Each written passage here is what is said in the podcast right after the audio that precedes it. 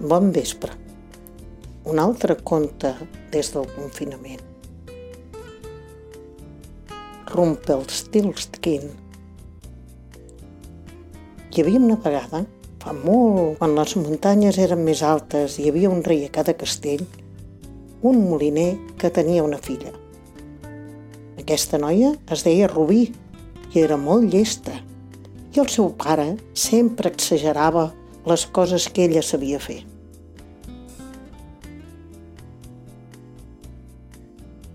Deia que la seva filla cantava tan bé que els ocells sortien a la nit i volaven a l'entorn de la lluna. També deia que jugava amb quatre eriçons en una mà mentre feia una dotzena de pastissos amb l'altra. Aquestes històries eren tan fantasioses que els veïns, en sentir-les, es limitaven a riure.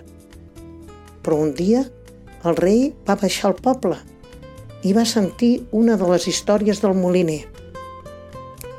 La meva filla és tan llesta que fila la palla en or, va dir el moliner.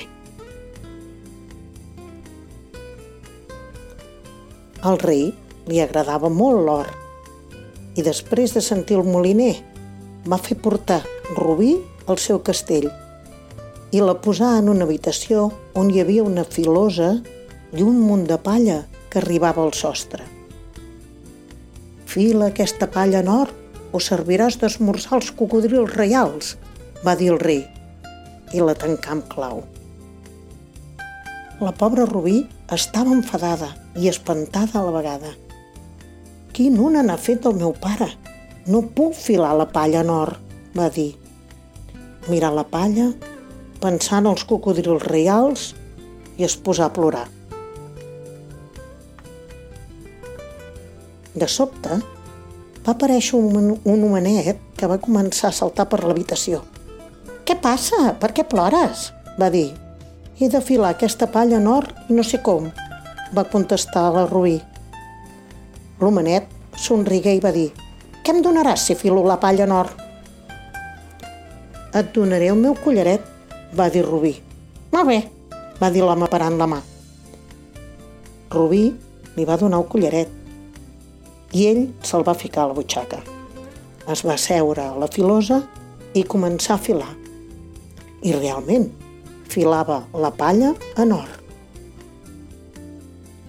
L'homenet va estar treballant tota la nit amb la filosa i al matí en lloc de la palla hi havia una pila de brillant fil d'or.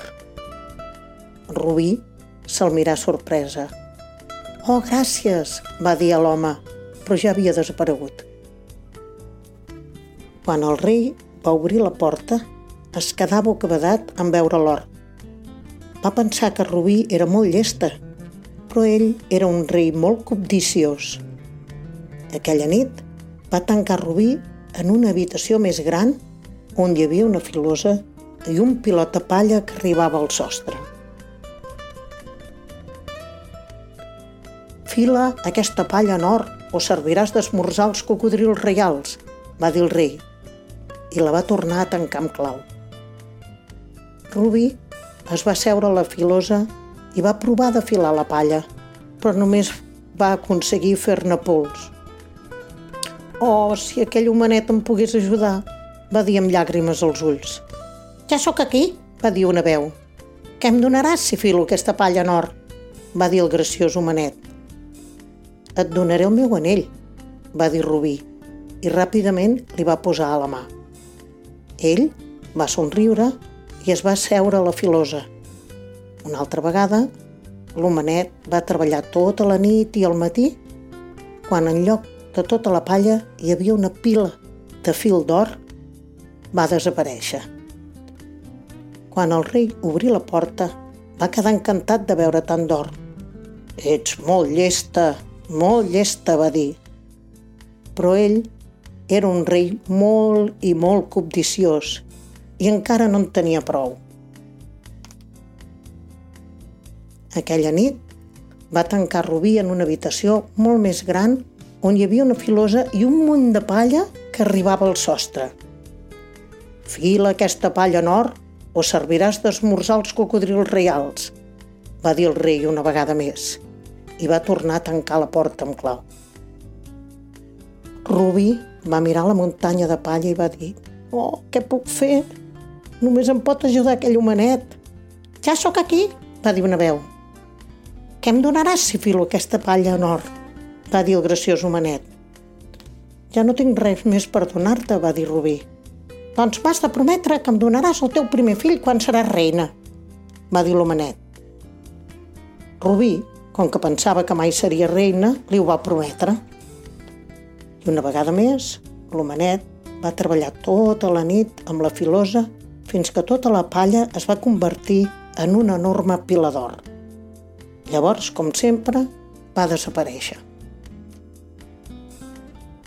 I una vegada més, el rei va venir i obrir la porta. Estava supercontent de veure tot aquell or Ets la noia més llesta del regne, va dir. Casa't amb mi i serem rics per sempre. Rubí estava una mica espantada, però com que era el rei i ja no parlava de cocodrils, va... Aviat hi va haver una gran boda reial i Rubí i el rei es van casar. Eren molt feliços i quan va néixer el seu primer fill, encara ho van ser, encara ho van ser més. Però la reina Rubí havia oblidat la promesa feta a l'homenet.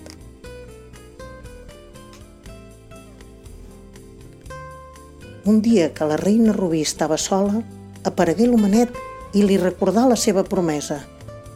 Ella va plorar i plorar fins que a la fi l'homenet va dir «Si endevines el meu nom en tres dies, et podràs quedar amb el teu bebè i va desaparèixer. Tot el dia, Rubí va estar pensant en tots els noms que coneixia i va enviar missatges per tot el regne per trobar-ne de nous. L'any demà, quan va tornar l'homenet, la reina Rubí va dir «Et dius Ramon, o Pere, o Miquel?» «No, no, no», va dir l'homenet i desaparegué. L'any demà, la reina Rubí va provar noms més rars. Et dius cama curt, nas llarg, cap de trons... No, no, si demà encara no saps el meu nom, m'emportaré el teu bebè, va dir l'homenet abans de desaparèixer.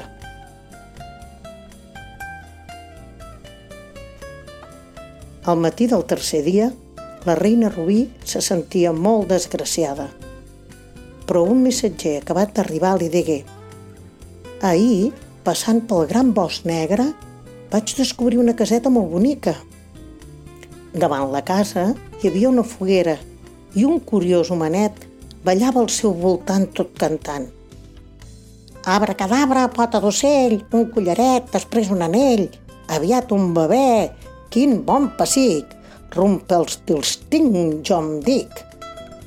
La reina Rubí va saltar d'alegria. Gràcies, gràcies, missatger i li donà una bossa d'or. Quan el graciós homenet va aparèixer, la reina Rubí va fer veure que encara no sabia el seu nom. Et dius Joan o Esteve o Rumpelstiltskinc. Ah, algú t'ho ha dit, va cridar l'homenet enfadat com una mona.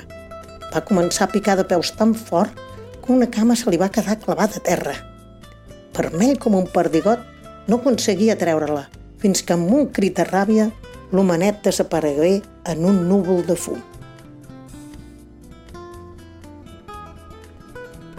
Rubí va viure feliç per sempre més. Va ser una bona reina molt estimada pel poble.